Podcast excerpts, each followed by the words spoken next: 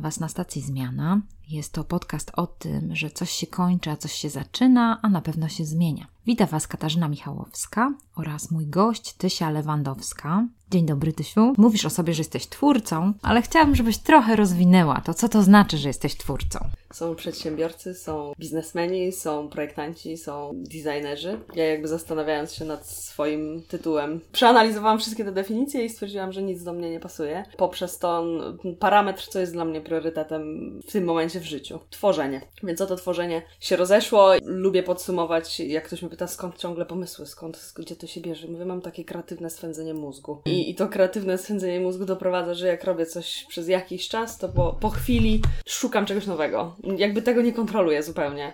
Y, na ten temat kontroli kreatywnego swędzenia mózgu mogłabyś porozmawiać z moim mężem, bo to jest jedna z tych dyskusji między nami, że o Jezu, znowu wymyśliłaś coś nowego. Mm-hmm. O Jezu, znowu, o, Je- o, do, do, ustabilizuj się, skup mm-hmm. się na jednym. Mm-hmm. I nie mogę tego kontrolować zupełnie. E, trzeba wspomnieć, że pracuje ze mną, jesteśmy małżeństwem partnerskim i w biznesie i, i w domu. On często te moje projekty i pomysły realizuje od najprostszego nie da się, wymyśl coś inaczej, po kochanie zrobiłem, co o tym myślisz. I więc to jest taki fajny duet. Pomysłem na to, żeby zaprosić Cię tutaj, że rozpoczynacie ten projekt zapuzlowani. Okej, okay, coś nowego, znowu coś nowego, tak? Mam nadzieję, że się w pełni uda i, i z satysfakcją to się zrealizuje. To są takie puzzle, takie, nie takie oczywiste, więc chyba też tak jak Ty, Tysiu, jesteś taka nieoczywista jako twórczyni i taka designerka, myślicielka. Podoba mi się, że używasz polskiego określenia na mhm. siebie niż jakiegoś angielskiego, co jest teraz takie w modzie. Ale słuchaj, wiesz co, ze względu na to, żeby jakoś przybliżyć Twoją osobę słuchaczom, byłaś zawsze taka aktywna od dziecka, że, że po prostu rysowałaś, nie wiem, śpiewałaś, tańczyłaś, to, to byłaś taką tysią, czy, czy byłaś raczej tysią taką bardzo y, nieśmiałą i zamkniętą w sobie, czytającą książki? Jak, jak siebie opisujesz, jak myślisz o, o przeszłości? Jeżeli ktoś słuchaczów mnie zna, to pewnie parsknął na to czytanie książek. Zdecydowanie książki z obrazkami, to jest moja mocna strona. Ale to pytasz o to dzieciństwo. Ja myślę, że to takie są dwa czynniki. Z jednej strony miałam aktywnych rodziców, którzy 20 parę lat temu, jak byłam takim, no już powiedzmy kumatym dzieckiem, dużo mnie popychali. To znaczy popychali, no ile 40-tysięczne małe miasteczko ma możliwości? No to była szkoła rysunku, to była szkoła żeglarstwa, to był taniec, to był śpiew, to była akademia muzyczna. Oni to umożliwiali, pchając w tym pierwszym kierunku, a ja jakoś to ciągnęłam. Nie wiem, czy byłam pchana, czy bardzo chciałam. Wydaje mi się, że to, że były te możliwości, to, że na przykład mój dom był zawsze pełen ludzi. Rodzice mieli bardzo dużo bliskich znajomych, imprezy działy się regularnie, co piątek, sobota, gdzie w czasach takich świeżo po komunie to może było coś wyjątkowego, może nie.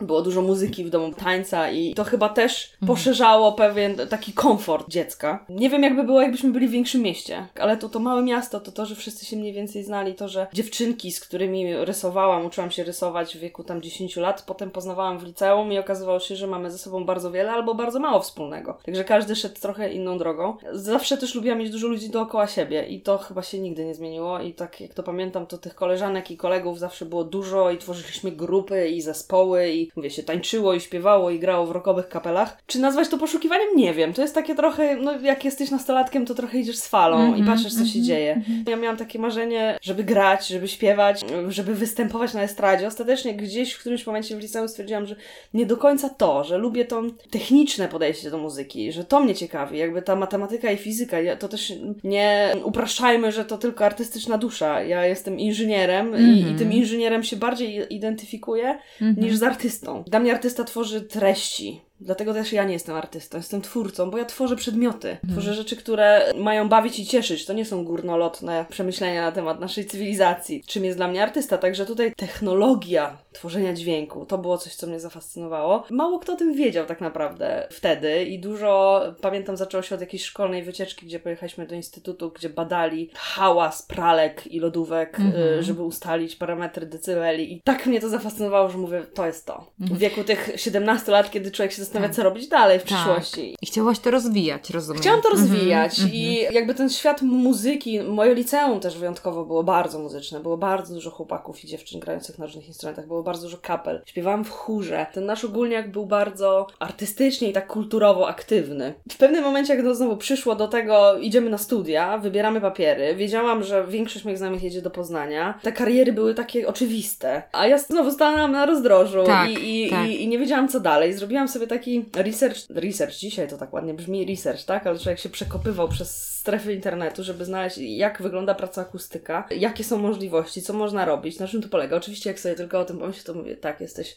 glamorous i jeździsz na koncerty z gwiazdami, przekręcasz śrubeczki za wielkim stołem i, i jesteś w środku akcji. Okazało się, że nie do końca tak to wygląda. Więc taki popełniłam pewien strzał. To jakiś gdzieś ten przełom nastąpił w trzeciej klasie liceum, bo jestem szczęśliwym dzieckiem pierwszego pokolenia nowej matury. A, E, więc dużo było niewiadomych, jak to wszystko będzie działało. Stwierdziłam, pójdę na architekturę. Co może się wydarzyć? E, Jest to na pewno dużo możliwości. Plastycznie zawsze czułam się ok, bo nie byłam wielkim talentem. Były wokół mnie wielkie talenty, tak? Ale stwierdziłam, będę miała tytuł inżyniera. Matematyka i fizyka zawsze to jest coś, co było dla mnie ważne. Wiedziałam, że muszę się trzymać z dala od historii i złożyłam wtedy papiery do trzech uczelni. Wszędzie okazało się, że się dostałam. To było niemożliwe praktycznie dla dzieciaka z mojego miasta, bez przygotowania, bez kursów, bez znajomych. Ten Gdańsk był takim wymarzonym miastem. Też trochę na opak całej mojej grupie społecznej z liceum, bo większość ludzi poszła do Poznania. do Poznania, tak. Ja w Poznaniu w ogóle nie czułam chemii i ja lubię mieć wodę blisko siebie, chyba od, naj, od najmniejszego. Szczecinek zresztą skąd jestem jest Tak. nad jeziorem. I ta woda zawsze, gdziekolwiek byśmy nie mieszkali, czy gdzie bym nie mieszkała, zawsze jest gdzieś blisko. I udało się być w tym Gdańsku. To Mm. też było dużym krokiem, bo praktycznie, no nie wiem, może trzy albo cztery osoby z mojego miasta w Gdańsku wylądowały, więc znowu na nowej wodzie, znowu e, całkowicie sama.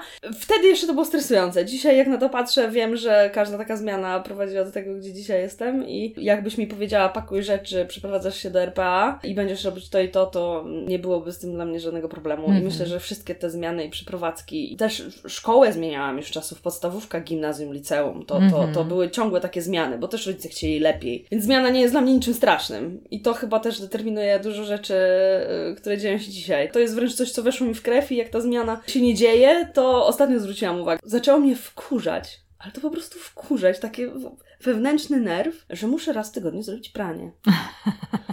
I, I uświadomiłam sobie to któregoś razu rozładowując tą pralkę, że czemu jestem taka zirytowana? Aha. Przecież to taka banalna rzecz. Lubię robić pranie, Tak, lubię sobie tak, wieszać, tak, lubię tak. sobie potem składać. Przecież nic nie jest z tym złego. Ale mówię, czuję taką wewnętrzną irytację. O co chodzi? No tak, no bo to jest rutyna. Aha. Bo robię to raz w tygodniu. I robię to taki dzień, że to pranie wtedy rozwieszam po całej chacie i w ciągu 24 godzin wszystko chowam. Do tego stopnia, mówię, to już jest trochę się robi niebezpiecznie, że Mhm. tutaj trzeba przyhamować w pewnych momentach. Że No. ta zmiana nie może dotyczyć każdego elementu życia, no bo to Mhm. Tak samo jak trzeba codziennie zjeść śniadanie, tak samo jak trzeba umyć zęby i tak dalej, i tak dalej. Mm, Fajnie, bardzo fajnie być takim świadomym siebie, że taką masz konstrukcję, że lubisz te zmiany, że nawet możesz je generować w jakiś sposób samodzielnie po to, żeby coś się działo, że musi się coś dziać. Jeżeli jest to rutyna, to możesz Mhm. Stąd też taki wybór tej ścieżki czuć, kariery. No, dyskomfort, dokładnie. Y, Że Mhm. ja już bardzo szybko wiedziałam, że nie mogę dla nikogo pracować. Całe studia pracowałam, jak to wielu studentów pracuje, po barach, kinach, knajpach i, i tak, Tak. dalej. Potrafiłam robić praktyki studenckie od 8 do 15, potem iść na 3 godziny na uczelnię, a potem siedzieć w barze do 4 w nocy, bo Tak. napiwki były dobre. I zawsze się śmiałam, że miałam bardzo drogie hobby, bo no, rodzice dawali nam to minimum, które było niezbędne do przeżycia. Nie, nie pochodzę z jakichś, nie wiadomo, wielkich, luksusowych rodzin. Moje drogie hobby to były po prostu podróże. To jest to, na co się przekładały wszystkie moje zarobione pieniądze. Żyć skromnie, mieć mało, nie imprezować dużo, ale wydawać na bilet lotniczy raz na trzy miesiące i to był, to był ten cel. Na szczęście pokryło się to z początkiem backpackingu w Europie. Pokryło się to z wybuchem tanich linii lotniczych. Couchsurfing się pojawił mniej więcej w tym okresie i tak dalej, i tak dalej. To wszystko jakby te pierwsze ścieżki. Mówię, dzisiaj nie ma nic nietypowego w tym, że kobieta bierze plecak i jedzie do Turcji. W 2007, kiedy ja robiłam to pierwszy raz, nie było nawet czegoś takiego jak hostel. Taka konstrukcja nie funkcjonowała w tym przemyśle turystycznym. To jak ja mówiłam rodzicom, że jadę na przykład do Paryża i będę spała u Piera na kanapie, byli przerażeni. No. Na, dla jakiej zasadzie ty śpisz dziecko u tego piera, wiesz? Tak. Co, jak, dlaczego tak to działa? Kiedy dzisiaj oni sami potrafią jechać na południe Włoch, nocować u obcego człowieka i faktycznie są to tak niesamowite historie, że weszło to w repertuar pokolenia moich rodziców. Dużo takich fajnych zbiegów okoliczności, wszystko się to fajnie nakryło. Studia udało mi się mieć na tyle fajne, że byłam w stanie nadganiać pewne rzeczy, pewne zajęcia ignorować i nadganiać później. Nie byłam najzdolniejsza na roku, nie oszukujmy się. Kiedyś bardzo fajnie podsumował mnie jeden z profesorów rysunku architektonicznego, że nikt tak w jego karierze nie potrafił ukrywać tego, czego nie umie. Fajnie się to nałożyło, że y, jakby ja wtedy sobie zdałam sprawę, okej, z jednej strony dużo nie umiem i dokładnie to mi powiedział, że jestem bardzo do tyłu do, ze wszystkich innych. Innych dzieciaków, które były fajnie przygotowane do tych studiów, dla mnie to był spontan. A z drugiej strony nie ma się czego bać. To Mhm. był taki fajny Mhm. wniosek, że Mhm. Nieważne co, rób swoje, kobieto. Tak naprawdę taki faktycznie szczery, stuprocentowy przełom, rób swoje i się tego nie przejmuj, był około jak zbliżałam się do tej trzydziestki, że nie ma się już czego bać, że trzeba Mhm. zaufać trochę bardziej sobie, nie? Mhm. Że to, kiedy ja mówię, że coś jest dobre, to faktycznie nie ma potrzeby, żeby w się wątpić. Mogę oceniać rzeczy swoim okiem, inni to uwierzą w ten Mhm, sposób. I to mhm. było takie wyzwalające. Pod tym kątem, że moja metoda twórcza i to, jak ja pracuję, i to, do czego dążę, i to, jak często się czepiam tej jakości, tego wykonania Mhm, i samej mhm. siebie, tego projektu, jak długo go udoskonalam, doprowadza do tego, że dzisiaj jestem w stanie się utrzymać, robiąc tylko to.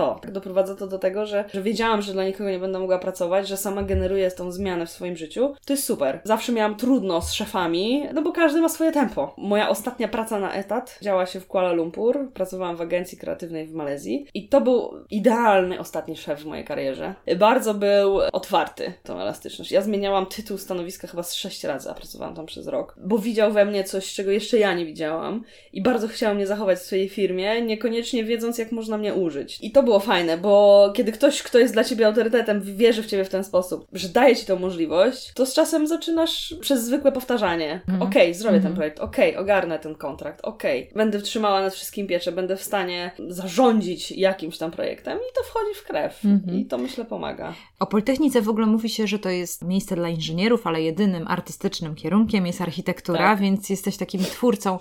Ale bardzo mi się to podoba. Ta niestandardowa Tysia wyjechała, rozumiem, za granicę ku resowi twoich rodziców, ale jak mówiłaś, że oni są tacy otwarci i różnych ludzi zapraszali i tak dalej, to na pewno mm, łatwiej to znieśli niż, niż inni, prawdopodobnie. Pewnie tak, chociaż Pewnie. też nie było łatwo. Sami sobie zasłużyli. Coś w tym jest. E, Powiem Ci, że ja też widzę, jestem najstarsza e, z rodzeństwa trzech sióstr i jesteśmy oczywiście bardzo różne. Wiem, że moi rodzice na pewno no, nie mieli łatwo ze mną. Nie mieli łatwo ze mną pod tym właśnie względem, że często nie, w- nie wpasowywałam się w ten taki standardowy rytm. Ty sama jako rodzic pewnie wiesz, że spotykasz się z innymi rodzicami, opowiadacie sobie historię e, swoich dzieci i mniej więcej razem znajdujecie jakiś złoty środek, jak fajnie je wychowywać. I moi na pewno za każdym razem spotykali się z zupełnie inną reakcją. Wiem, że dużo się uczyli. Ja też to, no porównując jako to najstarsze dziecko versus najmłodsze dziecko, na tym jak wychowywać dziecko numer jeden, a jak zostało wychowywane dziecko numer trzy. Dzisiaj już nie mam z tym problemu, ale były okresy buntu. Dlaczego Mhm. ja mam tak, a Tak. ona ma tak. Były okresy jakiejś takiej niechęci. Dzisiaj wiem, że to wszystko doprowadziło do tego, że jestem jaka jestem i mam ten komfort, jaki mam.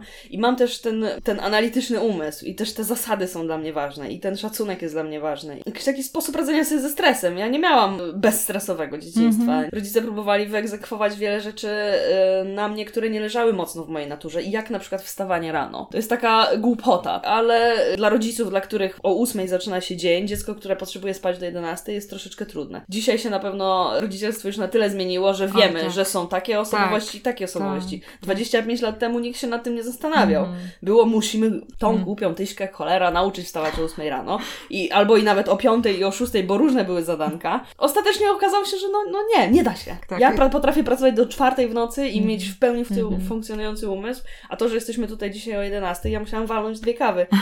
Żeby wstać rano. Tak. Także Tak, mi jest łatwiej jakoś rano wstawać, ale fajne są takie materiały, to tak dla rodziców nastolatków, które mówią o tym, jak się rozwija mózg nastolatka, że Mhm. w gruncie rzeczy te narzekanie rodziców, że ten nastolatek nie może rano wstać, to jest y, przyczyną do tego, że bardzo mocno pracują neurony, tam w okolicach od y, 13 roku życia wzwyż.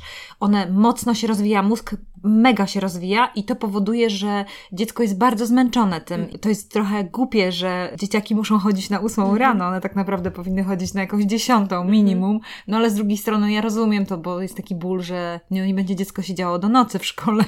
Wiesz, to też fajnie pokazują inne systemy edukacji. Bardzo długo miałam taki wyrzut sumienia. Taka autotortura, że kochasz rodziców, chcesz żyć tak jak, oni, tak jak oni ci sugerują, a z drugiej strony nie jesteś w stanie wymusić na sobie pewnych zachowań. Nie do, ja dzisiaj wiem, że po prostu mój mózg nie funkcjonuje. A w Tak. kontraście żyję z facetem, który chodzi jak w zegarku. On o 6 może się budzić i o A. godzinie 21.30 już jest zmęczony. Widzisz, no. To też było taki, taki sposób takiego kompromisu, bo ja jestem zupełnym przeciwieństwem. W pewnym momencie doprowadziliśmy do tego, że się ciągle mijaliśmy. Mhm. Bo on wychodził do pracy, ja dosypiałam, potem ja wychodziłam do pracy, siedziałam, on już wracałam, on już spał. A dalej pracowaliśmy razem. Dalej byliśmy sobie szefami, mogliśmy Tak. sami ustalić sobie te zasady. To wypracowaliśmy taki kompromis, że on siedzi trochę dłużej i wychodzi trochę później, a ja wstaję trochę wcześniej, ale i próbuję zasnąć razem Aha, z nim. aha. Co też często jest tak, że jest godzina 23.30, a ja gapię się w sufit jeszcze przez dwie godziny, no bo światło go denerwuje, hałas go denerwuje, chcę być z nim, no bo przecież chcę być z nim, nie mogę odejść do komputera i to też to jest ta ciągła praca. Śmieję się, że dzięki Bogu to są największe problemy w moim No małżeństwie. tak, tak. Ta synchronizacja snu, a z drugiej strony no też ja jestem ciekawa, jak kreatywnie potencjał y, mógłby się nawet u mnie rozwinąć, No jeżeli tak. byłaby zgoda na to, że mogę przesiadywać po nocach przy zapalonej lampce. Ciekawe, to jest ciekawe. A z drugiej strony podoba mi się bardzo Twoje podejście, że, że zależy Ci na relacji i wiadomo, że nie jesteśmy oddzielnym satelitą wobec społecznego życia, tylko Nie. chcesz wejść też pod potrzeby Twojego męża i tej relacji, no bo jeżeli będziecie się mijać, no to ta relacja nie będzie sensu, się nie? budowała, więc to jest też ważne. Tysiu, powiedz mi o tych Twoich wyjazdach. Jak to się stało, że Ty tutaj Kuala Lumpur, niesamowite rzeczy tutaj mi opowiadasz. E, Czy Ty obroniłaś się na Wydziale Architektury i wtedy zaczęłaś podróżować, czy już na studiach zaczęłaś podróżować? Jak to wyglądało? Dla mnie jednym z tych wielkich marzeń y, nastolatki z mojego miasta było być w większym mieście. Nie skończyło się to już na Gdańsku, to cały czas pchało mnie do więcej, więcej, dalej i silniej i mocniej. Na studia poszłam w 2005 roku. Pierwszą taką samodzielną, dużą wyprawę zaliczyłam w 2007, czyli to był końcówka drugiego roku. Gdzieś przez znajomych coś, to jeszcze zanim e, tak naprawdę otworzyły się granice, pojechałam do Londynu. Tam pracowałam w biurze architektonicznym, potem pracowałam w ochronie, potem no, to jakby te trzy miesiące minęły bardzo, bardzo szybko. Na szczęście zawsze znajdowali się znajomi, którzy pozwalali mi gdzieś tam u nich zamieszkać, więc to też ja miałam 21 lat. To z tej perspektywy dzisiaj Mm. jest to trochę straszne, ale i trochę nie straszne. Więc wszystkie pieniądze, które zarobiłam, wtedy właśnie pojechałam do tej Turcji, o której wspomniałam wcześniej. Zupełnie nieświadomie popełniłam jakby tą decyzję, dobra, przepracowałam pół czerwca, lipiec, sierpień i połowę września, mam dwa tygodnie, pojadę do Turcji, od, znalazłam jeszcze jakby samodzielne planowanie podróży było praktycznie niemożliwe, więc przez biuro podróży zaklepałam sobie lot, zaklepałam sobie hotel i mówię, będę miała dwa tygodnie, poznam nowy kraj. Turcja była taka egzotyczna wtedy i dalej zresztą jest. Miałam jechać z grupą znajomych. To był ten przełom, że miało nas jechać kilka osób. Ktoś pokłócił się z dziewczyną, ktoś nie zdał egzaminu, ktoś stwierdził, że jednak nie ma forsy i zostałam sama. I stwierdziłam, kij im wszystkim w oko. Jadę. Przypracowałam przez trzy miesiące w różnych warunkach i w, w różnych stresujących sytuacjach. Przebrnęłam przez te trzy miesiące pracy w Londynie, y, czy w Londynie w ogóle w Wielkiej Brytanii, bo też się przemieszczałam po, po wyspie. Jest czas na nagrodę, więc jakby tą nagrodę i pojechałam sama do tego hotelu. Pojechałam sama do tego hotelu, pamiętam, że kupiłam walizkę, którą użyłam może dwa razy już potem w życiu, bo to była taka wielka wyprawa. My z rodzicami jeździliśmy dużo, ale to były wyp- wyprawy po Polsce. Mój ojciec y, przez chwilę miał firmę transportową, to było, o jadę do Bielska Białej, potrzebuję kogoś, żeby do mnie gadał na trasie, jedziesz ze mną. Pisał mi z- zwolnienie ze szkoły i to były takie nasze usprawiedliwione wagary, że jechało się z tatą zawieść, nie wiem, cukierki na drugi koniec Polski. Więc jakby to życie w drodze było komfortowe i wtedy ten wyjazd do tej Turcji był dla mnie tak przełomowy. Nawet kupiłam sobie taką, taką neseserkowatą kosmetyczkę, która dzisiaj zakurzona, leżą w niej jakieś stare okulary, których mam sentyment, bo tak naprawdę nigdy więcej już po, tej, po tym jej nie użyłam, bo zaczęło się podróżowanie z plecakiem, a nie z walizką na kółkach. W Turcji okazało się, no pierwszy parę dni to byłam tak nieszczęśliwa jak chyba nikt inny, no bo jesteś w fajnym, eleganckim hotelu, basenem, z all inclusive. Dzisiaj zresztą się z tego śmieję, bo w tej chwili takie wakacje brzmią koszmarnie dla mnie. Ale wtedy to było wyjątkowe i jesteś sama. Co robisz z całym tym czasem? No idziesz na plażę, idziesz się poszaleć, trochę się boisz, ludzie nie mówią w swoim języku, ty nie mówisz w nim. Barierę języka angielskiego udało mi się przełamać wtedy będąc w tej Anglii. I zaczęłam rozmawiać z obsługą. No bo siedzisz sama przy tym stoliku, jesz to śniadanie, no to co robisz? No to gadasz do kelnera, gadasz do kelnerki, gadasz do kucharza, gdzieś tam coś, jak przyszła, chodziła sprzątaczka do pokoju, to gadałam z tą sprzątaczką i okazało się, że ta znowu otwartość, która gdzieś ten brak stresu mm. przed gadaniem z nowymi ludźmi, mimo te, w całej tej swojej nieszczęśliwości, że jestem sama, a nie z bandą fajnych znajomych, bo oczywiście były takie grupy dookoła. Mówię, Jezu, co ze mnie za luzer, nikt mnie nie lubi, wszyscy mnie olali, wiesz, i tak dalej, i tak dalej. I okazało się, że to był najfajniejszy właściwie przełom w tym całym podróżowaniu, tej historii mojego zwiedzania świata, bo stwierdziłam, że nie muszę na nikogo czekać. Nie muszę szukać. Z pełnym szacunkiem do ludzi, którzy mają swoje życie. Ale jeżeli ja chcę tu i teraz, dzisiaj pojechać, zwiedzić Barcelonę, to po popełniam tą decyzję tu i teraz, jestem w 100% niezależna. Nie zrozumie źle, ja jakby zawsze miałam chłopaka, zawsze było dużo znajomych, zawsze było wszystkiego,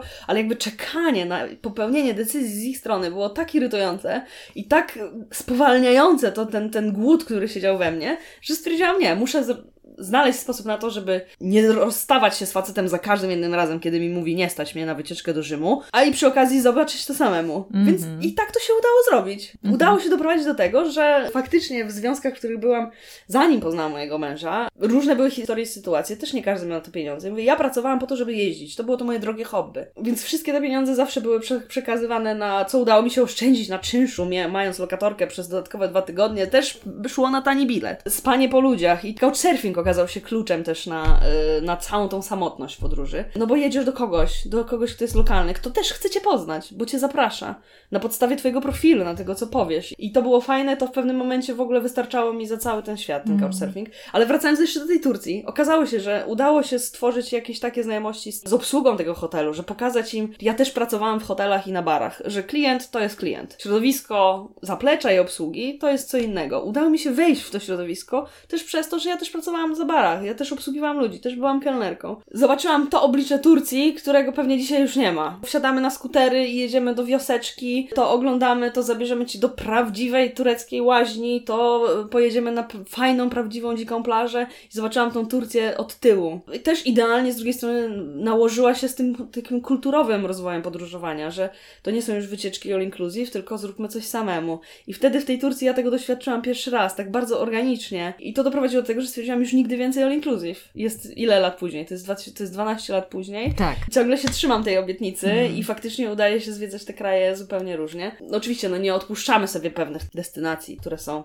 pocztówkowe, tak zwane miejsca, ale kultury jesteśmy w stanie tak, doświadczyć tak. tylko... Będąc z tymi ludźmi, Z tymi ludźmi, to są ci ludzie. Dla mnie mm. to też, y, mój mąż też podchwycił fajnie ten temat, bo nazywamy się podróżnikami kulinarnymi. Jedzenie jest dla nas też tym parametrem, po którym oceniamy, gdzie jedziemy dalej co robimy. Czy jest dobre jedzenie, czy jest wyjątkowe, czy jest ciekawe, czy nauczymy się czegoś nowego, czy uda nam się zaadaptować te przepisy w innych warunkach i tak dalej. Zawsze wracamy ożarci i spłukani z każdych wakacji. I o to chodzi. Też z czasem się to zmienia. Kiedyś dla mnie wystarczało być i patrzeć, nie wiem, na Petronas Towers, na wieżę Eiffla, na Koloseum, co tam jeszcze, na Big Bena, siedzieć i patrzeć i wzdychać i za każdym razem myśleć o tym, byłam tam, byłam tam, jak widzisz to gdzieś w telewizji. Dzisiaj ewoluuje to do bardziej doświadczenia i aktywności, tak? Mhm. Skaczmy na bungee, jeździmy na snowboardzie, tak, nurkujmy, ale dalej w fajnych miejscach ta aktywność się robi już ważnym parametrem doboru tych destynacji, nie? Mhm. Ja tutaj mam taką myśl, którą mhm. chciałam podsumować, to co powiedziałaś i to jest takie ważne odkrycie i wydaje mi się, że każdy robi to no, w swoim tempie i na jakimś tam etapie swojego życia. Z jednej strony tego oderwania się od rodziców, a z drugiej strony tego przywiązania do tej osoby, szukania w związkach i tak dalej, i tak dalej, tego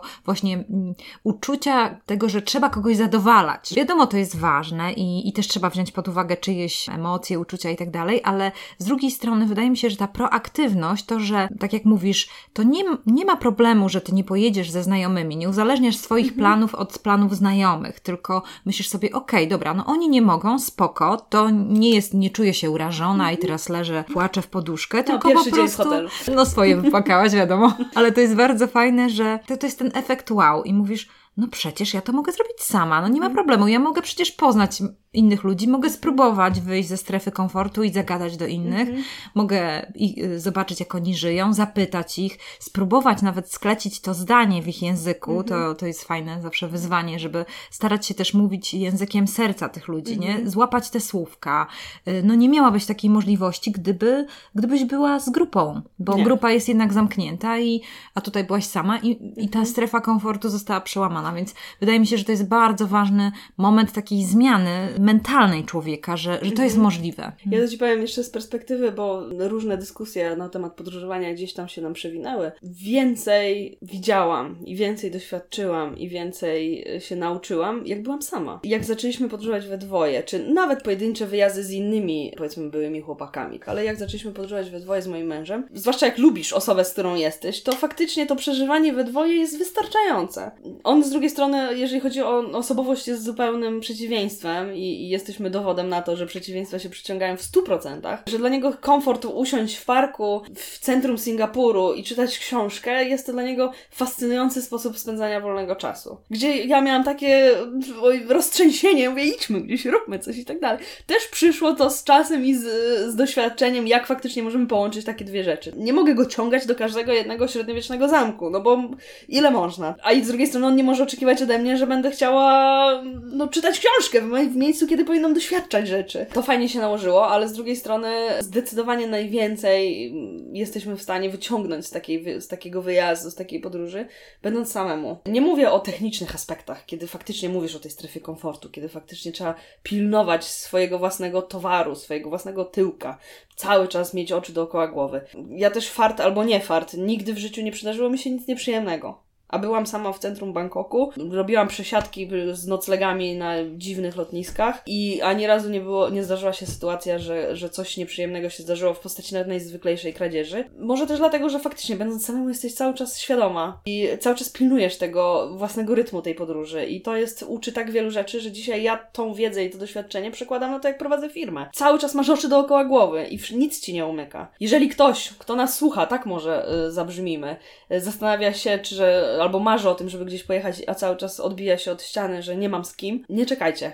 Wszystko się da. Każdy ma w sobie takie pokłady siły i energii i tej pewności siebie, której wydaje nam się, że nie mamy, że to w podróży wszystko się odkrywa i naprawdę niesamowicie zmienia to nasze życie. Mhm. I, I ja to widzę w takiej perspektywie jako ta najfajniejsza lekcja, że dużo rzeczy na tej mojej ścieżce pchało w odpowiednim kierunku, ale fakt, te parę dni przepłakane w tej Turcji, kolejne, kolejne jakby formy wyjścia dalej i szerzej i więcej. Byłam na kambodżańskim weselu. Jakim cudem? Skąd? Gdzie? Takie rzeczy się nie zdarzają na podstawie przewodnika. To się zdarza tylko i wyłącznie, kiedy wyjdziesz i rozmawiasz z ludźmi. Na tyle, na ile. Budowaliśmy w Kambodży na początku samo, potem z moim mężem sierociniec dla dzieciaków, gdzie w Polsce organizowaliśmy zbiórkę forsy, i, a w Kambodży kupowaliśmy deski i kurczaki, żeby dzieciaki miały gdzie żyć i, i, się odwi- i się rozwijać. To są historie czasami wielkie i niesamowite, a czasami są to takie pierdółki. Ktoś po, powie ci, zabiorę cię tu i zobaczysz najpiękniejszy wschód słońca na świecie. I wstaje o tej piątej rano, żeby zobaczyć ten wschód słońca i faktycznie siedzisz i płaczesz. No i myślisz, kurczę, no. Nigdy w życiu czegoś takiego bym nie Mm. doświadczyła, gdybym była w grupie znajomych, Tak. gdybym była z biurem podróży, gdybym została w domu i marzyła tylko Mm. o tym wszystkim, więc Tak. warto. Mhm. Warto. Na Mhm. pewno są znajomości, które cierpią na takim podejściu do życia. Ja bardzo dużo rzeczy próbowałam organizować, bardzo długo próbowałam namawiać, bardzo długo próbowałam, wiesz, uz- uzasadniać i usprawiedliwiać. Mhm. Chodźmy, zróbmy razem i tak dalej, i tak dalej. Zostało mi to w, chyba w potrzebie ciągłego organizowania kolacji i domówek i mm, posiadania gości we własnym domu. Pe- pewnie też możemy to cofnąć do naleciałości z, z, z, po moich rodzicach.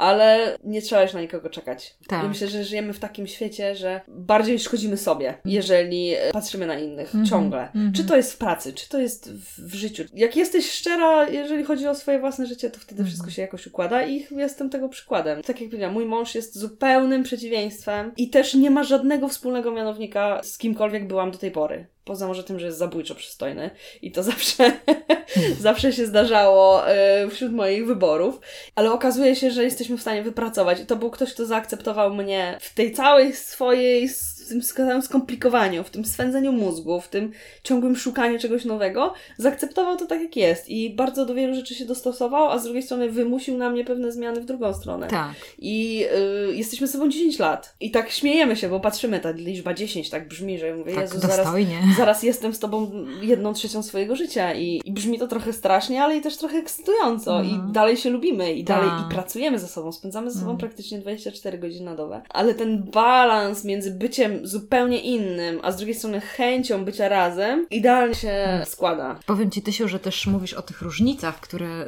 y, jest między Wami temperamentu i osobowości i podejścia do różnych rzeczy, planowania i tak dalej. Z jednej strony czasami ludzie narzekają na to w małżeństwie, bo to jest przyczyną do konfliktów ma mhm. małżeńskich, ale jeżeli przepracuje się, to też jest taka zmiana w głowie, która się y, robi, ta Twoja Turcja.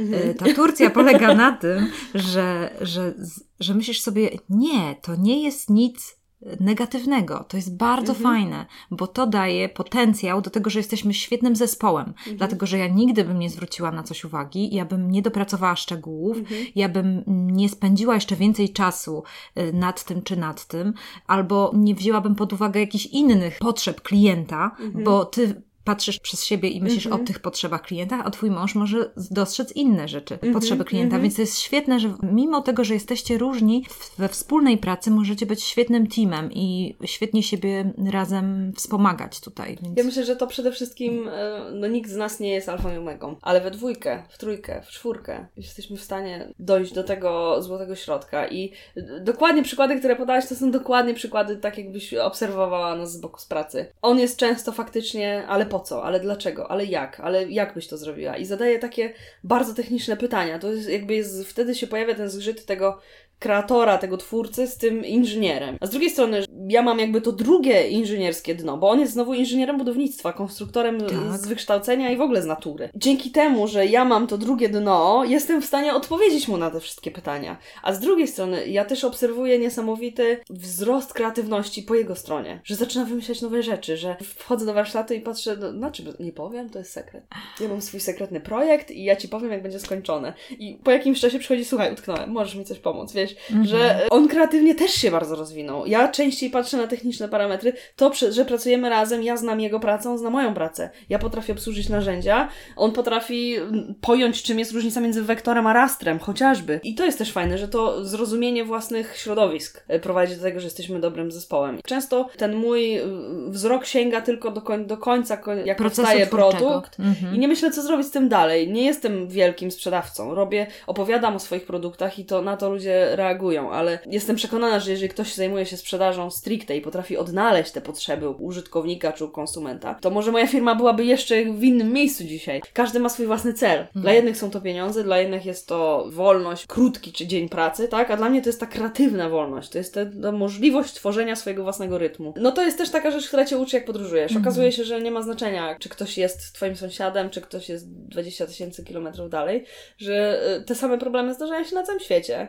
I te same braki w zespołach. Im więcej ja jestem świadoma, tym z drugiej strony więcej czuję tej pustki. Że też nie zawsze jest fajnie i wesoło. Rozmawiamy i wszystko się wydaje, że jest tak gładko. Bardzo mi doskwiera taka samotność na przestrzeni tej społeczności dookoła mnie dzisiaj. Samotność ludzi, którzy nie do końca potrafią dostrzec potencjał tam, gdzie ja go widzę. Którzy nie do końca potrafią jakby wstrzelić się w tą formę tej firmy, jaką ja, jaką ja chcę nadać. Nie, nie podoba mi się struktura szef i pod, podwładni i podwładni. Przez to, że jesteśmy razem z mężem, jesteśmy we dwójkę decyzyjni. Ale jeżeli pojawiają się osoby pod nami, ja też chcę, żeby oni byli decyzyjni. Ja nie chcę mieć kontroli nad wszystkim. W rozwoju swojej firmy, czy w naszych firm, dążę do tego, żebym mogła robić tylko to, w czym jestem dobra. To jest moje podejście. Mm -hmm, nie, żeby mieć więcej pieniędzy. Nie, żeby częściej jeździć na Kajmany. Nie. To mnie nie interesuje. Jeżeli ja w ciągu 40-godzinnego tygodnia pracy przez 5 tylko zajmuję się projektowaniem, a przez pozostałe 35 zajmuję się całą resztą tej zadymy, no to to nie jest dla mnie idealny scenariusz. W tej chwili doprowadzam mniej więcej jest połowa. Pół na pół tego czasu dzielę między zarządzanie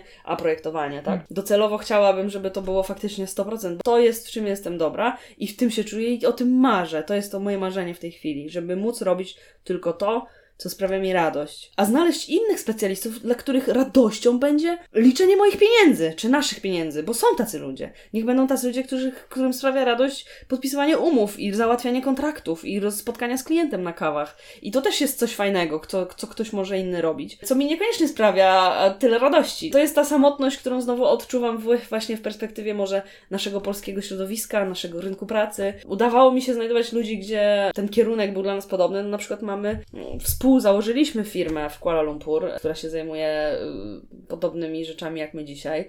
Zajmuje się upcyklingiem. To była banda ludzi, y, było nas siedmioro, każdy był z innego to środowiska, z innego kraju, innego koloru, innego języka. Ta siódemka była w stanie wybrać wspólny kierunek i dzisiaj firma zatrudnia 50 osób. My poszliśmy dalej, z innych zupełnie względów. Mm -hmm. Po mhm. prostu życie w Malezji nie było dla nas dobre, ale brakuje mi tego tu. Jednak mówmy co chcemy, ale są cechy narodowe, które są cechami narodowymi. Moim zdaniem w Polsce dużo wynika z tego, że ludzie po prostu nie wierzą w siebie i boją się. To jest ten tak, strach. Tak. To jest ten pierwszy wyjazd do Turcji. To jest mhm. właśnie takie, tak. zaangażujmy się, nie tak. myślmy o pieniądzach, myśl w dalszej perspektywie. Mhm. Myśl o tym, co ty chcesz mhm. robić, mhm. a nie zadawalasz swojego partnera, zadawalasz swoją rodzinę, zadawalasz swojego szefa i tak dalej, i tak mhm. dalej. I tego trochę u nas brakuje. Tak.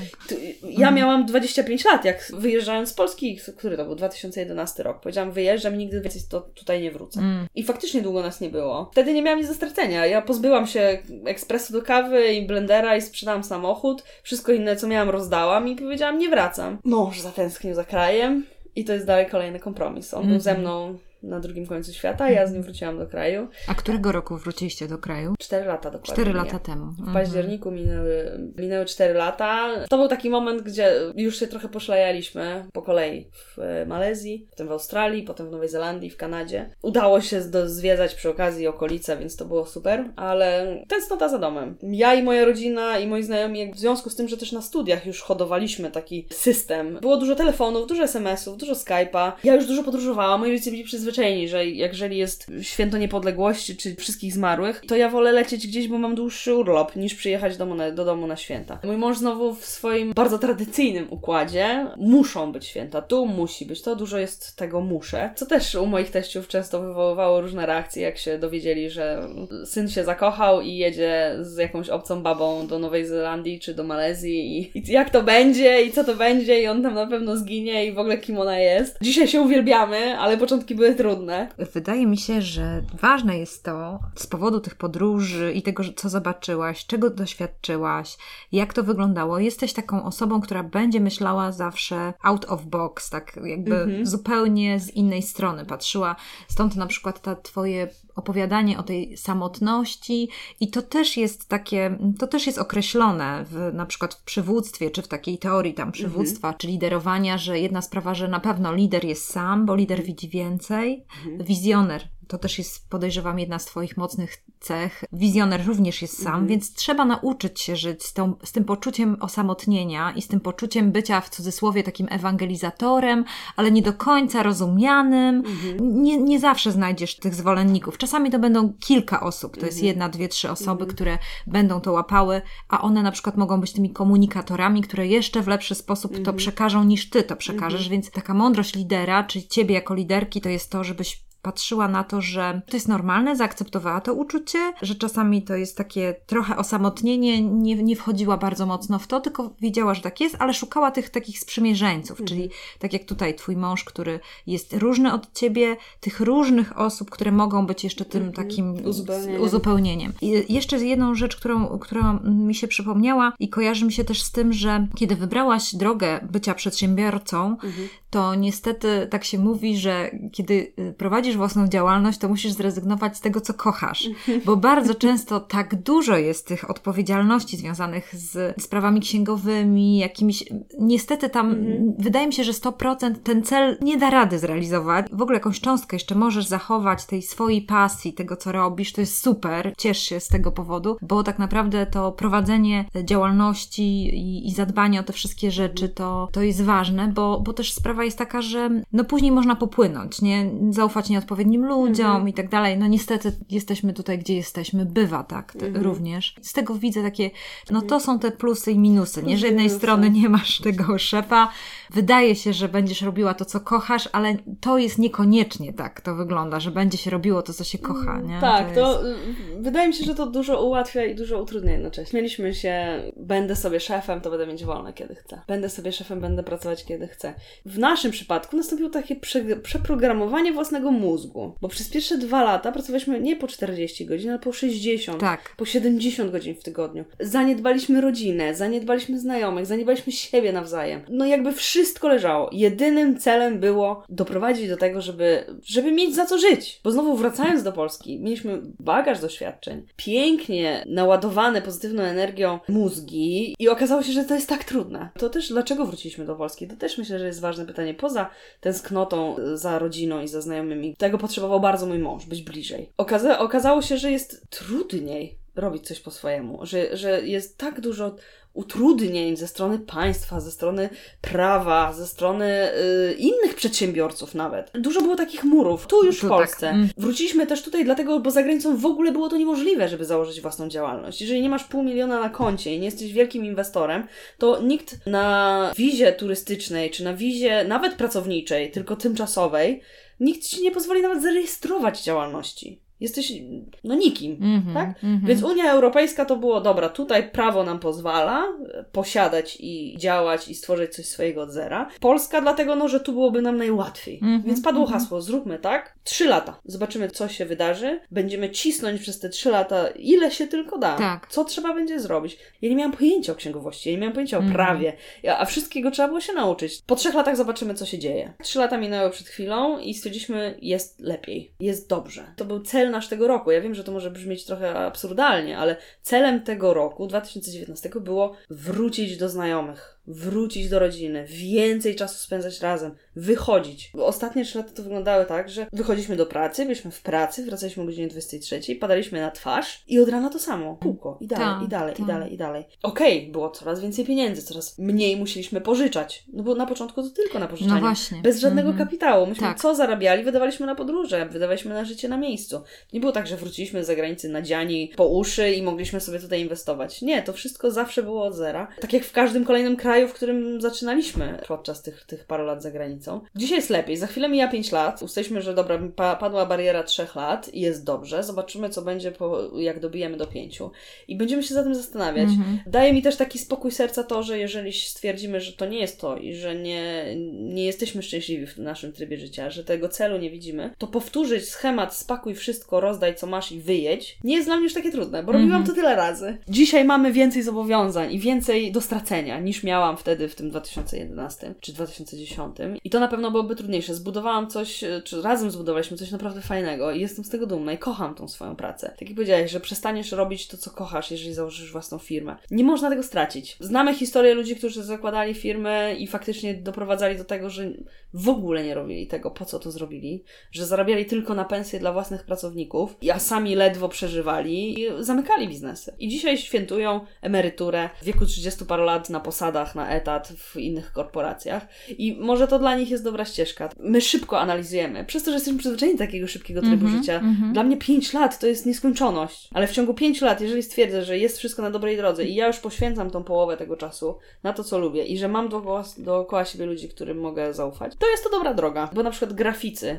Łatwo byłoby mi dzisiaj zatrudnić grafików, po to, żeby się firma mogła rozwijać. To jest jedyna rzecz, gdzie nie ustąpię i kłócimy się o to i nie ustąpię choćby nie wiem co. Bo jeżeli zatrudnię grafików, to już w ogóle nie będę potrzebna do projektowania. Że ty byś chciała to robić, tak. Trudniej jest Mhm. znaleźć dobrą księgową. Mhm. Trudniej jest znaleźć dobrego menadżera. Trudniej jest znaleźć dobrego sprzedawcę. Grafików znajdę moment. Chociażby dlatego, że wiem lepiej, czego szukać niż w sprzedawcy. Też to mój mąż, bo on zatrudnia sobie ludzi. On ma pomoc w warsztacie, on ma pomoc z księgowością, on ma pomoc z HR-em. Ja robię wszystko sama, bo też mamy dwie firmy niezależne. Z jednej strony, mówię, mogłabym sobie ulżyć tym odpowiadaniem na maile, tym projektowaniem personalizacji, zatrudniając grafika. Ale boję się, że jeżeli to odpuszczę, ten mały kawałek tej mojej pasji, to przepadnie na zawsze. Więc męczę się z tymi HR-ami i z tym wszystkim innym Mhm, i mhm. pracuję dalej ponad stan i ponad godziny, tylko po to, żeby nie oddawać tej odrobiny radości. Radości, nie radości, czasami, czasami to są po prostu głupoty, ale chociaż odpalam tego ilustratora Mhm. czy tego Photoshopa Tak. Ale y, teraz nie jesteście zadłużeni, że udało wam się. Eee, czy s- jesteście jeszcze, że.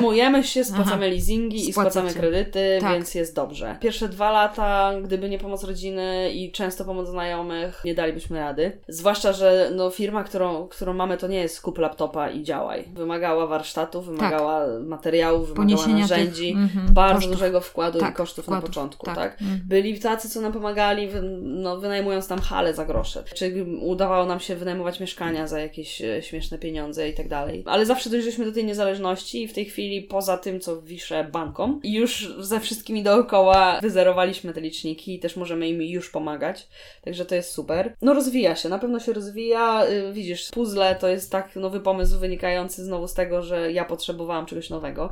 Po dwóch latach projektowania map stwierdziłam, że potrzebuję czegoś nowego. Dalej jest to wypadkowa tego drewna, tej ekologii, mm. tej potrzeby tworzenia czegoś, czego nikt nie ma. Meble, od, od tego się zaczęło, tak? Jak my wróciliśmy do Polski, zaczęło się to, co się, to, co się dzieje po, po wielkich powrotach jeździsz do znajomych, jeździsz do rodziny, odwiedzasz ludzi. I okazywało się, że wszyscy mają te same meble. Mm-hmm. Wszyscy mają te same wnętrza, wszyscy mają ten sam styl. Jedni 5, 5 lat wstecz, inni 5 lat w przód, ale generalnie tak, wszystko tak. bardzo podobne. Ten parametr tej ekologii, jak dużo się wyrzuca. Mm. Jak często, ja do tej pory mijam śmietniki i leżą po prostu całe kanapy, całe meblościanki, biurka i to wszystko tak. jest wywalane. No szok. Okej, okay, konsumpcjonizm w Polsce się rozwija, ludzie się bogacą, ludzie remontują. Cudownie, wszystko fajnie fajnie, ale w pewnym momencie, no z mojej perspektywy, gdzie na przykład mieszkaliśmy w Nowej Zelandii, gdzie no to jest wyspa, tam nie ma miejsca na śmietniska, tam nie ma gdzie, jak pozbywać się tych rzeczy, a i z drugiej strony też nie jest tak łatwo importować towar. Tam tak kreatywnie ludzie wykorzystywali ten potencjał tych przedmiotów i tak często był naprawiany i wykorzystywany, że no mówię, można tak żyć. I mhm. okej, okay, Nowa Zelandia to jest kraj wielkości Polski, gdzie mieszka tylko 4 miliony ludzi. No tak. Że jest dużo tej przestrzeni, ale chronią się przed tym, są prawa, które kontrolują.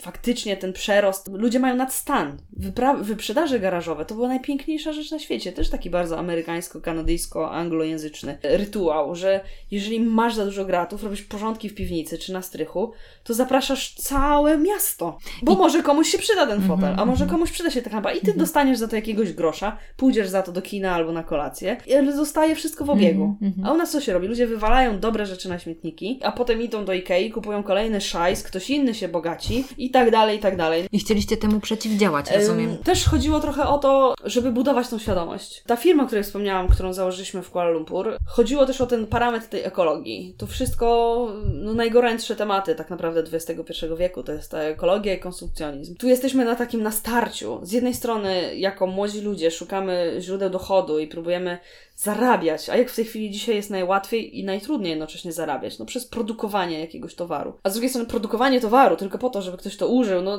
pewnie ci, co wymyślili plastikową woreczek, dzisiaj są miliarderami. Bo, bo stworzyli coś, co jest jednorazowe w całym, jakby w całej swojej egzystencji, jest jednorazowe z definicji. My chcieliśmy temu przeciwdziałać, dlatego pojawiła się ta idea upcyklingu. W naszym życiu coraz częściej, na początku jakby zupełnie nieświadomie, że to jest, że upcykling to upcykling. To, to zresztą to, co robiły nasze babcie. Pobita filiżanka z łamanym uszkiem nie idzie do śmieci, tylko jest, nie wiem, wiem, na sadzonki do rozsadzania. Podarta koszula nie idzie na śmieci, tylko zosta zostaje ścierką. I tak dalej, i tak dalej. To jest coś, co z ekonomicznego punktu widzenia istnieje na świecie od lat. Ale w momencie, kiedy ten ekonomiczny parametr jest dla ciebie nieważny, czyli możesz się po prostu po pozbyć rzeczy, tu się pojawia ten problem, że jesteśmy bogaci, coraz mniej musimy oszczędzać pieniędzy, więc coraz mniej szanujemy przedmioty, które, tak. które są dookoła nas. Co to znaczy szanujemy? Widzę, masz całe mnóstwo książek. Dla wielu ludzi jest to jednorazowa rozrywka. Co zrobisz z tą rozrywką później? No trzymasz książkę, bo książka jeszcze jest sentyment, ale za 20 lat to się może zmienić. Ludzie będą kupować książkę, czytać książkę i wywalać tak jak gazetę. No na tej zasadzie. Ta idea cyklingu, która się pojawiła tak naprawdę w definicji dopiero jakieś 10 lat temu, gdzie przetwarzamy te książki, chronimy je przed spaleniem, przed makulaturą, przed zakopaniem w ziemi, zamieniamy je w przedmioty użytkowe, w lampy, w stoliki, pufki, i tak dalej, że książka, która mogłaby skończyć na śmietniku, mhm. dostaje drugą szansę, dostaje drugie życie. I ta druga szansa jest faktycznie takim klejem, który spaja całą tą koncepcję tego upcyklingu, zmniejszenie tego odpadu i faktycznie nadanie nowych cech przedmiotom, które już coś znaczą, co jest dla mnie jest ekscytujące, bo patrzysz na, na plastikową butelkę i dzisiaj widzisz w niej śmieć. Ewentualnie, nie wiem, psikawkę na śmigus dingus, to jest druga funkcja, którą widzisz dla tej mm. butelki. A ja w niej widzę lampę, ja w niej widzę fotel, ja w niej widzę instalację artystyczną. Jak człowiek się zacznie przyglądać i widzieć, patrzeć głębiej, to zobaczy ten potencjał. To jest ta siła, to jest to, co widzisz. Jak wróciliśmy do Polski i tą ideę upcyklingu chcieliśmy pokazać i przedstawiać, dla wielu to był zupełny absurd. Przecież to są śmieci. Po co? Przecież mogę sobie pójść i kupić ładne nowe. I mhm. dlaczego to tyle kosztuje? I kolejna nasza wspaniała cecha narodowa, To jest Polak potrafi. Polak potrafi wszystko zrobić sam. Tak. I to wspaniała, mówię, bez zupełnej ironii. Tak. To jest też to, co nas pcha do robienia pewnych rzeczy, ale często odbijaliśmy się od klienta z odezwem, sam sobie mogę takie zrobić. I to prawda. Zawsze dążyliśmy do tego, żeby zaciskając zęby i mówiąc, dobra, nie mam na czynsz, ale powiem, proszę, zrób. Ja ci powiem jak, ale zrób. Zmieńmy coś w tym naszej kulturze. Zmieńmy coś w percepcji postrzegania produktów jako takich. Zdarzało się, że faktycznie byli tacy, co mówili, ty mnie nie musisz uczyć, ja wszystko wiem lepiej. A byli tacy, którzy przychodzili na warsztat, przychodzili się nauczyć, pisali maile, słuchaj, mam takie pobite szklanki, co można z tym zrobić, tak, i tak dalej, i tak dalej. Co faktycznie było celem samym w sobie. Tylko w momencie, kiedy no nie masz co włożyć do gara, było to trudne i to był taki najfajniejszy test dla tego całego naszego, czy to jest faktycznie idea, czy trochę ściema komercyjna. Tak. Utrwaliliśmy się w tym przekonaniu, że to jest to, bo żarcie się zorganizuje. Zawsze można iść do, do, pojechać do mamy. Force zawsze się to zorganizować. Ale póki nie robisz tego, co chcesz i tego, co cię jara i tego, co cię kręci, to nigdy nic z tego nie będzie tak naprawdę. To nawet tacy no, najwięksi milionerzy i ludzie sukcesu na świecie mówią, że musisz robić to, co kochasz. A Forza się w końcu pojawi. Łatwo to powiedzieć komuś, kto wymyślił linie lotnicze.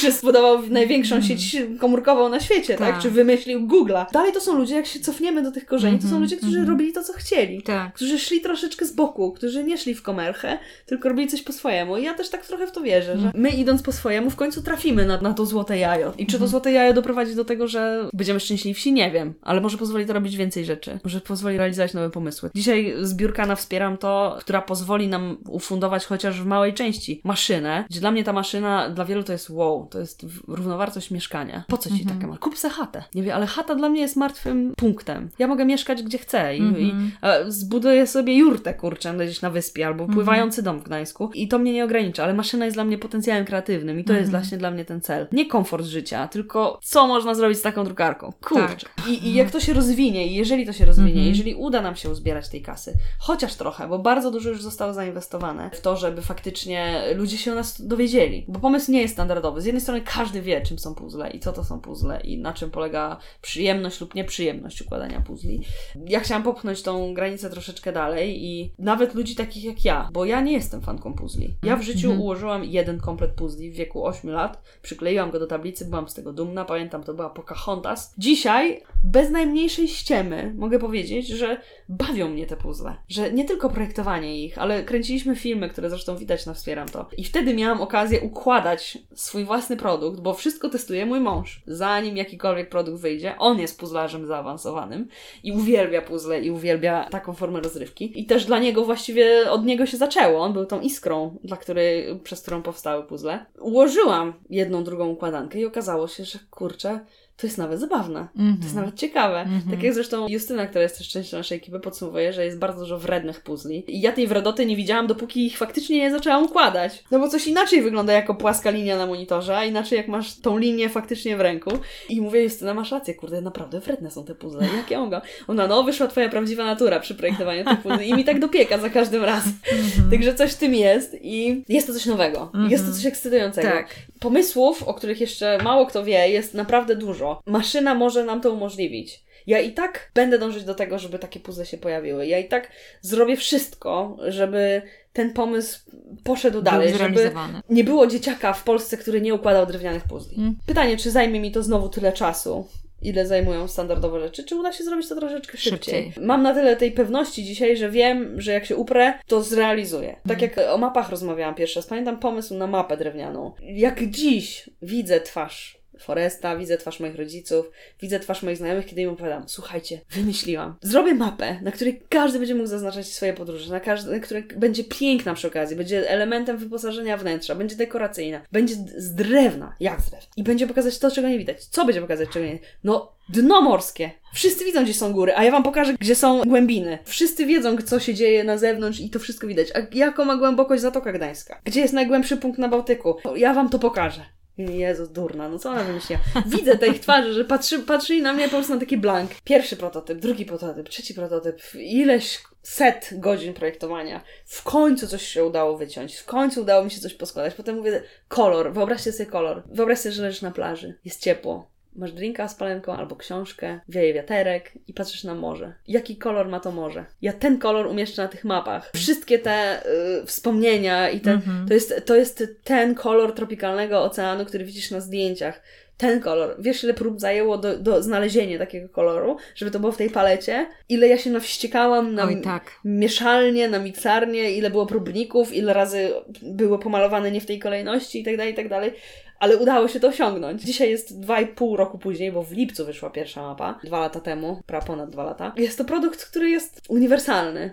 Są ludzie, którzy podróżują i faktycznie widzą w nim potencjał podróżniczy. Są ludzie, którzy marzą o podróżach i faktycznie tam się inspirują. Są tacy, którzy widzą tam wspomnienia z dzieciństwa, którzy widzą dom, którzy widzą całe mnóstwo historii. Mhm, I to jest niesamowite, że w tym, co gdzieś się urodziło w mojej głowie i co udało mi się dopieścić, ludzie widzą swoje własne historie. To jest ta największa radość faktycznie bycia projektantem i bycia twórcą. Z jednej strony myślisz, że tworzysz coś dla siebie, bo to taka była trochę wypadkowa. Tak, Tyle tak. świata zwiedziłam i fajnie byłoby na to patrzeć. I Mhm. czuć, w moim przypadku, głód na więcej. Okej, byłam tu, byłam tam i ja zawsze sobie patrzę, widzę tą mapę we własnej głowie, że tu mam dziurę, tu mnie jeszcze nie było, tu mnie jeszcze nie było, tu mnie... Jezu, tyle jest do zobaczenia. Trzeba, wiesz, trzeba pracować Mhm, mhm, i zbierać na te podróże. mhm. A Okazuje się, że dla innych są to ich własne historie. Dlatego też tą personalizację bardzo często robimy, że to jest ta własna historia, którą ludzie chcą umieścić na tej mapie, żeby ten produkt był wyjątkowy. Zaczęło się od mebli, żeby ludzie mieli wyjątkowe rzeczy, potem weszły mapy, potem pojawiły się te puzzle. Puzzle też opowiadamy historię twórców. To nie są tylko ładne obrazki z internetu. Oczywiście tak byłoby najłatwiej. Nawet nie masz pojęcia, ile godzin zajęło mi na negocjowanie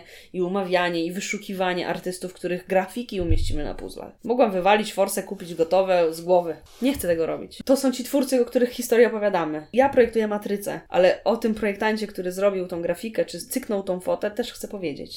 Nawet mm, śmieję się, bo mówimy o góralach, którzy dla nas robią skrzynki, w których puzzle są pakowane. Taka głupota, ale jest góral gdzieś, kurczę, pod Zakopanym i robi dla nas drewniane skrzynki. I w tych drewnianych skrzynkach do Ciebie trafia ten produkt. To też jest fajne. Drukujemy wszystko lokalnie, wszystko dzieje się tu, na miejscu. O, dlaczego to jest takie drogie? No przecież możesz zamówić z Chin i będzie połowę taniej. No nie, oglądamy taką śmieszną serię na Netflixie, Explained, nie wiem, czy używasz Netflixa. W każdym razie mówią o tym, jak się bujają ceny na rynku, jak w pewnym momencie można było wszystko wyeksportować, całą produkcję została przeniesiona do Chin.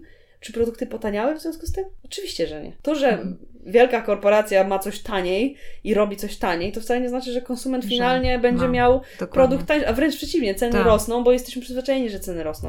Walczę też z tą polityką, Mhm. tak? My mówimy otwarcie. Nas kosztują rzeczy tyle, jesteśmy tu, płacimy podatki tu, wszyscy pracują u nas nie na najniższej krajowej, tylko na uczciwych pensjach. I ja chcę dać zarobić swoim pracownikom, chcę dać zarobić góralom, chcę dać zarobić drukarzom i sama też chcę mieć wystarczająco dużo, żeby móc się rozwijać. Bo to, co w tej chwili robimy, te puzzle, które do tej pory pojawiły się na rynku, które wysyłaliśmy prototypy i sprzedawaliśmy pierwsze sztuki, były ograniczone przez drukarkę podwykonawcę. Format A3. To się wydaje taka głupotka w A3. Kurczę, przecież może być milion różnych wzorów w formacie A3. Dla mnie to jest taka bariera kreatywna, że przecież już są i A2, i A3 są całe multipuzzle, które mają metr na metr 50 i one będą się składały z pięciu różnych układanek, a potem wszystko będzie się zamykać w jednej formie. I to jest ta maszyna. To jest to narzędzie, to jest ten ołówek, który pozwoli nam Tak. iść dalej. O nie? tym marzysz. O tym marzę i to jest teraz to, co mnie kręci i to, co chciałabym Tak. rozwijać. Myślę już o puzzlach, które będą w ogóle trójwymiarowo, o mini puzzlach ukrytych w dużych puzzlach. No mówię, tych pomysłów jest naprawdę dużo i wiem, że jeszcze jestem w stanie ludzi zaskoczyć. Stres sprzedaży tego potem. Ja trochę wierzę, że dobry produkt obroni się sam. Może nie jest to najlepsza polityka, jeżeli chodzi o prowadzenie działalności, która jest stricte y, nastawiona na sprzedaż detaliczną. No też to była nasza jedyna taktyka, jak razem z mężem wychodziliśmy do ludzi na targach, na jarmarkach, na eventach. To jestem ja, ja robię takie rzeczy w ten sposób, to jest mój mąż, chociaż on ma w ogóle inną magię, ludzie chcą kupować od niego, więc taki prawdziwy drwal.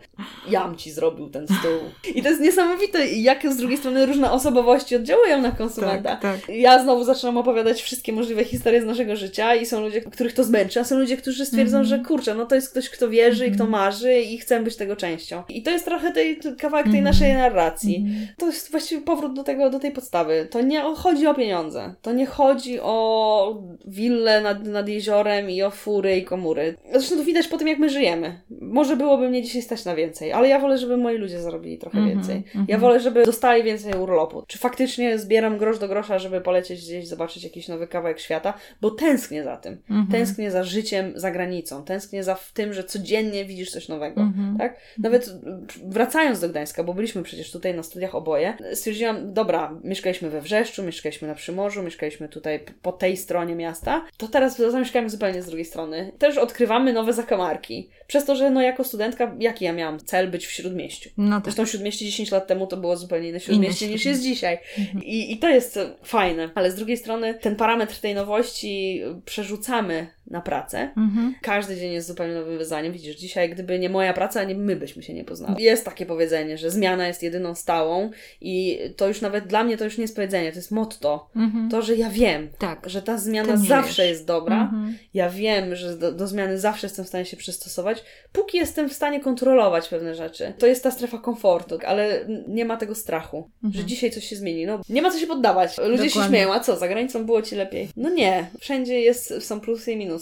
Cieszymy się, że możemy być faktycznie bliżej naszych rodzinek. Cieszymy się, że ci znajomi, część przetrwała, część nie przetrwała tego długiego czasu rozłąki, że poznaliśmy nowych ludzi. To jest niesamowite. Udało się wrócić do Polski i powiedzieć cześć. Nie mamy ze sobą nic wspólnego, ale będziemy znajomymi, bo to też dużo zmienia. Mhm, mhm. Jak cię długo nie ma w kraju. Mhm. Ludzie, z którymi dorastałeś, nagle poszli w zupełnie innych kierunkach i nasze abstrakcyjne życie może być, czemu można kibicować, ale niekoniecznie rozumieć. A i w drugą stronę, no nam ciężko jest wciąż nawiązać do problemów wychowywania dzieci, awansów w firmie, w której jesteś od 10 lat. To są dla nas tak abstrakcyjne tematy, Mhm. no ale spotykamy się gdzieś po środku. Tysiu, kończąc naszą rozmowę, bardzo bym Cię chciała właśnie zachęcić do tej wytrwałości i do tego, że bycie przedsiębiorcą to jest wyzwanie. Bycie przedsiębiorcą i tworzenie to jest jeszcze większe wyzwanie. Bycie przedsiębiorcą razem ze swoim mężem i jest jeszcze większym wyzwaniem i tutaj takie złamanie tego stereotypu, co mi się bardzo podoba, tej waszej pracy wspólnej, bo zazwyczaj ludzie mówią, no nie, to jest najgorsza rzecz, jaką można zrobić, to pracować z Często mężem, to słyszymy. a wy razem to robicie i no medal wam się należy, y, że też to innym pokazujecie. To jest naprawdę bardzo słodkie i fajne. Dokładnie, bo można i można się dogadać, można razem docenić te różnice Mhm. i być teamem. Więc dużo bardzo we- wzięłam z tej rozmowy i jestem przekonana, że nasi słuchacze również. Trzymamy, Tysiu, za, za was kciuki i, i mam nadzieję, że nasi słuchacze też będą was wspierać i patrzeć na to, co robicie. I ta misja jest taka ważna i ona jest tutaj na przedzie i bliska nam wszystkim. Mhm. Więc życzę Ci naprawdę, żebyś nie poddawała się, żebyś e, dalej myślała, tworzyła, walczyła o to, żebyś robiła to, co kochasz. Nie Jesteśmy... ma co się poddawać. No właśnie, nie Życie ma jest co za się... krótkie. Dokładnie, nie ma co się poddawać. Życie jest za krótkie. To jest Dziękuję to. Ci bardzo Dzięki. za naszą rozmowę. Dzięki. Dzięki.